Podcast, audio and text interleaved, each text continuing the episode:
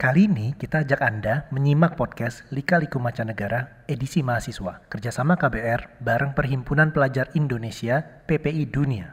Episode kali ini kita akan ngulik pengalaman pelajar Indonesia di UK Part 2. Sebenarnya ini nggak hanya Durham, tapi uh, British British people itu biasanya yang nomor satu paling mencuat, paling khas dari mereka itu adalah yang pertama manner, manner on top of everything. Halo, kita kembali lagi dalam podcast KBR Prime bekerja sama dengan PPI Dunia bersama saya Bimo Bramantio. Kali ini kita akan membahas lika-liku kehidupan belajar di UK bersama Rizky Putri Resna Hasan. Selamat siang Mbak Rizky. Siang Mas Bimo. Mbak Rizky itu adalah Dewan Presidium PPI Dunia tahun 2016-2017. Dia juga aktif di Divisi Luar Negeri PPI UK 2015 sampai 2016. Dia juga merupakan seorang LPD LPP Awardee, alumni Durham University, dan founder dari Yayasan Cendikia Aksara, sebuah yayasan yang bergerak dalam pemberdayaan putra-putri daerah untuk pendidikan luar negeri dengan beasiswa. Bariski, kalau di UK sendiri, fasilitas-fasilitas buat pelajar yang kita bisa dapat tuh biasanya apa aja sih? Kalau misalnya di sana ya, otomatis kan untuk akses semuanya tuh mostly gratis ya. Kayak misalnya untuk transportasi aja kita dapat kartu untuk kartu student itu kan jadi lebih murah, museum, okay. terus perpustakaan, dan juga mungkin akomodasi akomodasi ya. Sebenarnya kampus itu menyediakan beberapa tipe akomodasi, entah yang tinggal di kampus atau mungkin uh, ke apartemen yang terafiliasi dengan kampus atau mungkin rent house uh, kita menyewa rumah yang benar-benar terpisah dari kampus ya. gitu. Oke lah itu dari perumahan kayak gitu. Kalau dari ini gimana kesehatannya? Nah jadi setiap student yang mau studi ke luar negeri itu harus membayar NHS. Itu semacam BPJS-nya di UK lah kurang lebih seperti itu gampangnya. Itu National Health Service bukan? Iya National uh, Health Service. Yeah. Nah itu semacam BPJS lah sistemnya kita bayar di awal. Jadi ketika kita apply visa kita bayar waktu zaman saya ya 150 pound sterling. Jadi kali 20 ribu mungkin sekitar 3 jutaan. Nah itu tuh untuk cover satu tahun kita eh, penyakit-penyakit uh, di sana gitu loh. Okay. Dan itu tidak hanya ketika kita sakit aja. Bahkan biasanya kita dapat flyer seperti untuk cewek misalnya ada untuk cek kanker serviks. Itu kan sebenarnya bukan penyakit kita sakit ke dokter kan cuma serviks itu ada. Terus kayak misalnya saya mau waktu itu saya sempat riset di Sri Lanka habis itu saya mau ke Mesir gitu kan. Nah itu ketahuan sama dosen saya saya mau riset di Sri Lanka langsung kasih surat untuk vaksin segala macam penyakit yang ada di Sri Lanka. Okay. jadi tidak itu harus bagian di cover iya itu cover semua. Ya. tidak harus kita sakit datang dan minta berobat nggak gitu. Cuman kalau ketahuan kita ada kegiatan apa pasti semua di cover sama dia gitu gitu. Dan pada saat kita sakit di UK pun ke rumah sakit gitu pakai NHS juga tercover gitu. Iya, ya? dan sistemnya mirip-mirip BPJS. Jadi hmm. Kita nggak bisa langsung ke rumah sakit gede. Jadi ada rumah sakit yang dirujuk kampus. Nah, itu nanti dokter kita siapa, GP namanya general practitionernya siapa. Terus nanti bikin janji dulu, terus datang kalau misalnya dia tidak bisa menangani itu baru dirujuk ke rumah sakit yang lebih besar gitu. Bagus tuh ada fasilitas kesehatan jadi kita nggak usah keluar duit gitu kan. Tapi kan tetap ada pengeluaran-pengeluaran yang biasanya kita tetap harus keluarin gitu. Uh, normal nggak sih di sana untuk mencari part time atau internship gitu Ya, jadi sebenarnya ada aturan ya, karena kita kan student. Nah, student itu di Inggris itu tidak bisa untuk full time. Full time, let's say misalnya kerja dari pagi sampai malam iya, seminggu yeah, gitu, yeah. nggak bisa karena kita visanya adalah visa pelajar yeah, gitu. Betul. Adapun peraturannya itu biasanya kita maksimal hanya 20 jam per minggu. Oh iya, yeah, oke. Okay. Nah, jadi kan bisa dilihat itu kerjaan 20 jam paling apa sih? Yeah, bukan yang betul. pekerjaan kantoran gitu kan. Nah, terus uh, kita juga bisa work up eh, bisa work full time tapi pas libur. Oh, kayak libur musim panas uh, gitu ya. gitu. Yeah. Jadi di luar jam kuliah gitu. Nah, terus kita juga bisa kalau misalnya statusnya itu adalah S2 atau S3, itu kan biasanya ada kerjaan yang disuruh dosennya. Misalnya kayak asisten lab atau mungkin jadi let's say misalnya dia dokter tuh. Dokter dia harus kerja di rumah sakit untuk memenuhi SKS lah. Nah, itu kan tidak apa-apa, cuman sebatas harus related sama kampus gitu. Dan mungkin yang terakhir kita itu nggak bisa kerja kantoran okay. intinya itu nggak bisa jadi okay. mungkin opsinya barista atau yeah. waiters atau mungkin tour guide yeah. gitu-gitu ya kayaknya banyak bayangan dari sini kalau ke luar negeri tuh kerjanya mungkin di restoran yeah. mungkin karena ngeliat dari film atau gimana mm. gitu ya perpustakaan, perpustakaan museum yeah. gitu kalau karakter orangnya di sana sendiri atau kultur orang-orang di sana tuh uh, kayak gimana sih um, ini seru banget ya kalau ngomongin tentang kultur mereka ya karena sebenarnya ini nggak hanya Durham tapi uh, British British people itu biasanya yang nomor satu paling mencuat, paling khas dari mereka itu adalah yang pertama manner, manner on top of everything. Oh. It's all about manner, manner, manner. Saya gitu kira loh. yang menonjol tuh football. manner, manner, manner, ya. okay. Mereka itu sangat strict sama manner. Sesimpel antri, Ya, antri. oke. Terus kalau misalnya please, thank you, help, sorry itu harus diucapkan. Kayak bahkan ketika naik bis, terus ketika kita turun tidak mengucapkan terima kasih, itu supirnya teriak kayak, "Hey, what's your manner?" gitu loh. Oh, Diteriakin oke. saking mereka tuh sangat peduli manner. Ya, pokoknya dia sangat sopan banget sopan orangnya. Terus mereka yang kedua itu super on time. Ini mungkin yang agak Oh iya. bukan agak ya sangat Iya, sangat berbeda berbeda, terutama iya. di kota-kota besar ya dulu kan saya sempat riset di Sri Lanka nih satu bulan satu bulan saya tinggal sama dosen saya nah itu berasa banget how I live with the Brits ya nggak sih Oke. jadi oh, kayak oh, dosennya maksudnya bridge Iya. ikut ke sana ikut gitu. Oh, iya, sana oke. jadi memang itu supervisor saya Oke. jadi saya dikelilingi dosen-dosen saya untuk riset di Sri Lanka satu bulan kurang lebih mereka kan sangat erat dengan minum-minuman keras ya. Nah Oke. misalnya let's say sampai jam 2 mereka minum arak gitu. Tapi besok pagi jam 6 itu mereka sudah ada di meja makan jam 6 Oh, pagi wow. sedangkan kita satu hari penuh habis gali-gali tanah karena arkeologi itu nggak ada capeknya jam 6 pagi 6 tank sudah ada di meja semua 6 lewat 3 sarapan belum datang mereka ngamuk-ngamuk even 3 menit tuh telat gitu menurut mereka Oh. Iya gitu. iya iya. Benar-benar super on time banget Iya ya. super on time. Oke. Terus yang paling mencuat lagi ya, yang paling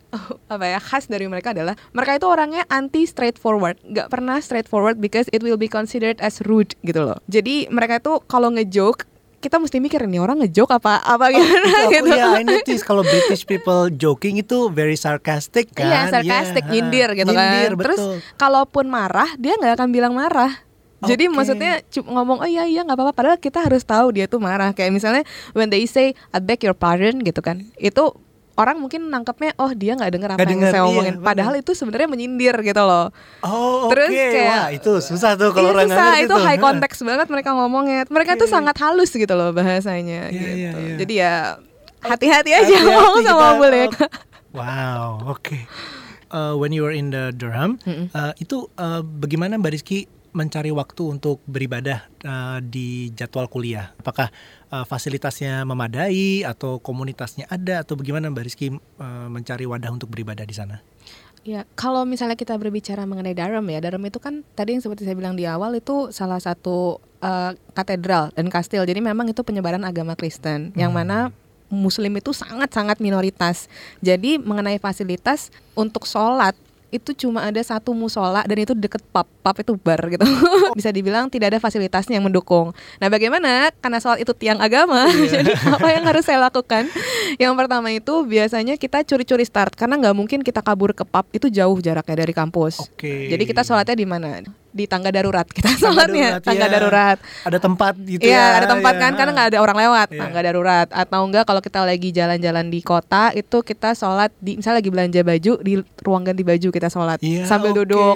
Terus atau enggak bisa di taman, Iya. atau enggak kalau di perpus itu biasanya ada satu eh, satu ruang belajar personal yang individu itu yang box gitu loh untuk Iya, ruang iya. baca ya di situ kita sholatnya gitu tapi sebenarnya letak yang susah itu bukan sholat di mananya tapi waktunya karena oh, iya, betul. karena misalnya zuhur ke asar aja bisa cuma satu jam bedanya. Kalau misalnya dia lagi winter kan banyakan malamnya Iya. zuhur ke asar cuma satu jam gitu. Ya itu sih yang harus disesuaikan. Jadi- Selain sholat ini kali mas ya yang, yang agak menantang makanan halal. Oh iya makanan Durham. halal, Hmm. makanan halal. Jadi bagaimana mengatasinya? Yang pertama masak. Jadi setiap hari Masak. mau nggak mau masak. Terus yang kedua bisa juga ini karena di luar negeri itu mereka sangat concern terhadap ingredients karena banyak yang laktos intoleran atau apa. Jadi kita bisa lihat ingredientsnya tuh makanan. Walaupun nggak ada label halalnya, kita bisa lihat ini halal nggak gitu. Gelatinnya Hmm. babi apa bukan gitu. Terus eh, yang terakhir mungkin kita banyak opsi vegan di sana. Oke. Jadi jadi bahkan kita kayak makan bakso atau burger gitu. Kita pikir kan daging ternyata enggak vegan gitu. Jadi ya ada solusinya lah Oke, untuk oke. halal. Jadi kamu nge-develop ini dong ya eh, habit untuk makan vegan dong ya sejak di iya, sana. iya. Atau enggak ikan, ikan. Oh, di sana Ikan. salmon sangat murah. Jadi kayak Oh, wow. salmon jenis-jenis ikan-ikan mahal di sini sana murah. Iya, gitu. iya. Satu lagi mungkin ya, puasa, Mas. Oh, Puasa di iya, Inggris puasa. itu 20 jam. Oh, Luar biasa. Pada saat lagi musim panas kan. Iya, karena memang eh, tepat musim panas, Iya. terus 20 jam ya. Kita itu cuma dari jam berapa sampai jam berapa? Subuh itu jam Hmm. 2-an, sekitar jam 2, buka tuh sekitar jam 10. Jadi kita cuma punya waktu di malam hari 4 jam itu dari buka, sholat maghrib, sholat isya, sholat Wow. taraweh, Sama- tahajud, Sama, apa sahur? sahur, imsak subuh dalam waktu 4 jam. Itu yang berat ya mas sebenarnya, bukan di durasi puasanya, cuman di hidup yang kebalik itu loh. Jadi malam kita nggak pernah tidur. Iya, karena kita buka dan lain iya, sebagainya. Iya. jadi kita baru tidur tuh jam 4 Sedangkan besok paginya kuliah kan Iya. Nah itu yang susah sebenarnya Alhamdulillah ya kita punya PPI kan Hmm. Perhimpunan Pelajar Indonesia. Jadi kalau untuk kami dari pelajar sendiri itu ada em, PPI Darem namanya. Nah PPI Darem itu karena memang di Darem itu saya bilang kota kecil, terus juga mayoritas Kristen gitu kan Katolik.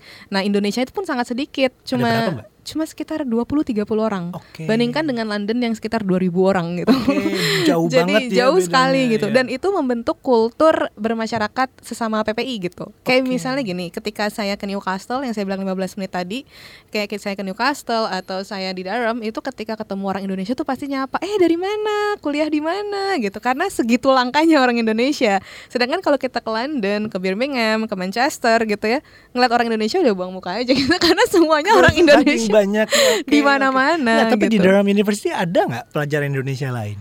Ada, ada. Ah. Karena PP dalam tadi sekitar em, sekitar 15 sampai 20, kalau bawa keluarga 30 lah. Oke oke oke. Oh jadi semuanya tuh ada di Durham University. Ada, Oke. ada. Iya, iya, iya. Terus kegiatannya kalau di Durham apa aja? 17-an atau bagaimana? ada kegiatan-kegiatan apa biasanya? Karena Durham itu kota kecil ya mas Komunitasnya itu kan komunitas kecil Nah kegiatannya pun lebih kepada kekeluargaan gitu loh mas Festival kebudayaan Jadi hal-hal yang lebih kepada kekeluargaan Sedangkan kalau kita berbicara di London Yang mana sudah sudah Banyak sangat banyak ya. orangnya Nah Hmm. itu kegiatannya lebih established gitu loh mas Berkaitan dengan KBRI juga kan Ya. Misalnya Oh iya kayak di sana nggak ada presence KBRI di nggak ada bahkan ya? even KJRI juga Nggak ada. nggak ada gitu Oke. kan jadi ya lebih kekeluargaan sih kalau di Durham Oke. seperti itu Nah bedanya kalau ke waktu kamu jadi divisi luar negeri di PP UK itu bagaimana perbedaan kegiatannya? Kalau di UK sendiri ada nggak kayak mereka ke Durham atau kamu ke sana gitu ada nggak sih? ada jadi strukturnya itu kan PPI negara itu Mm-mm. PPI UK di bawahnya ada PPI cabang kan nah PPI Durham kan merupakan salah satu PPI cabang kita tuh biasanya ada rapat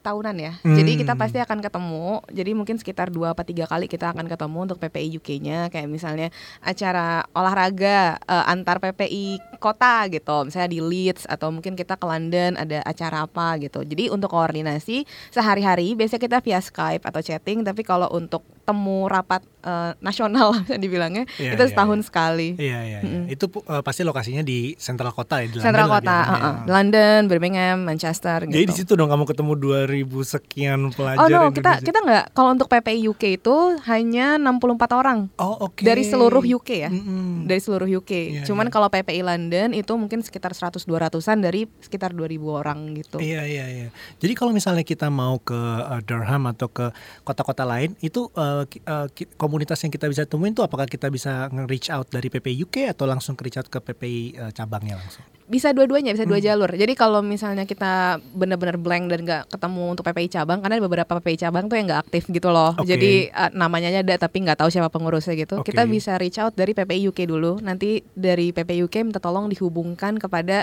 uh, PPI cabang kota. Tapi Oke. kalau misalnya memang ada beberapa seperti PPI London lah, PPI London, PPI Manchester itu kan sudah sangat established tuh. Jadi nggak perlu lewat PPI UK, bisa lewat ke mereka dulu gitu. Oke.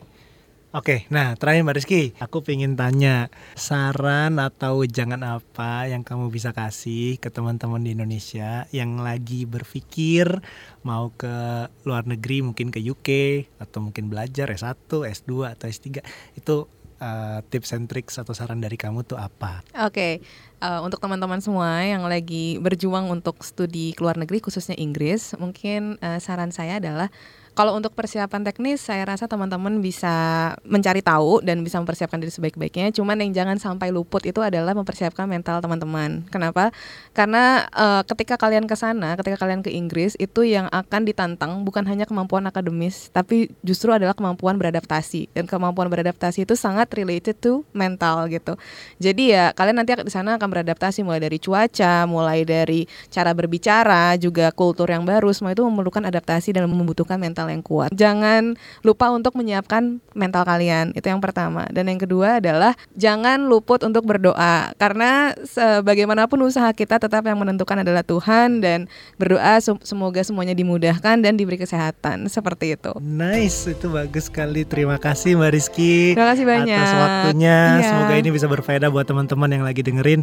Oke, jadi begitulah kira-kira teman-teman semua episode kali ini yang membicarakan lika-liku kehidupan belajar di UK teman kita Mbak Rizky Putri Resna Hasan. Saya Bimo Bramantio. Sampai berjumpa lagi di episode-episode selanjutnya.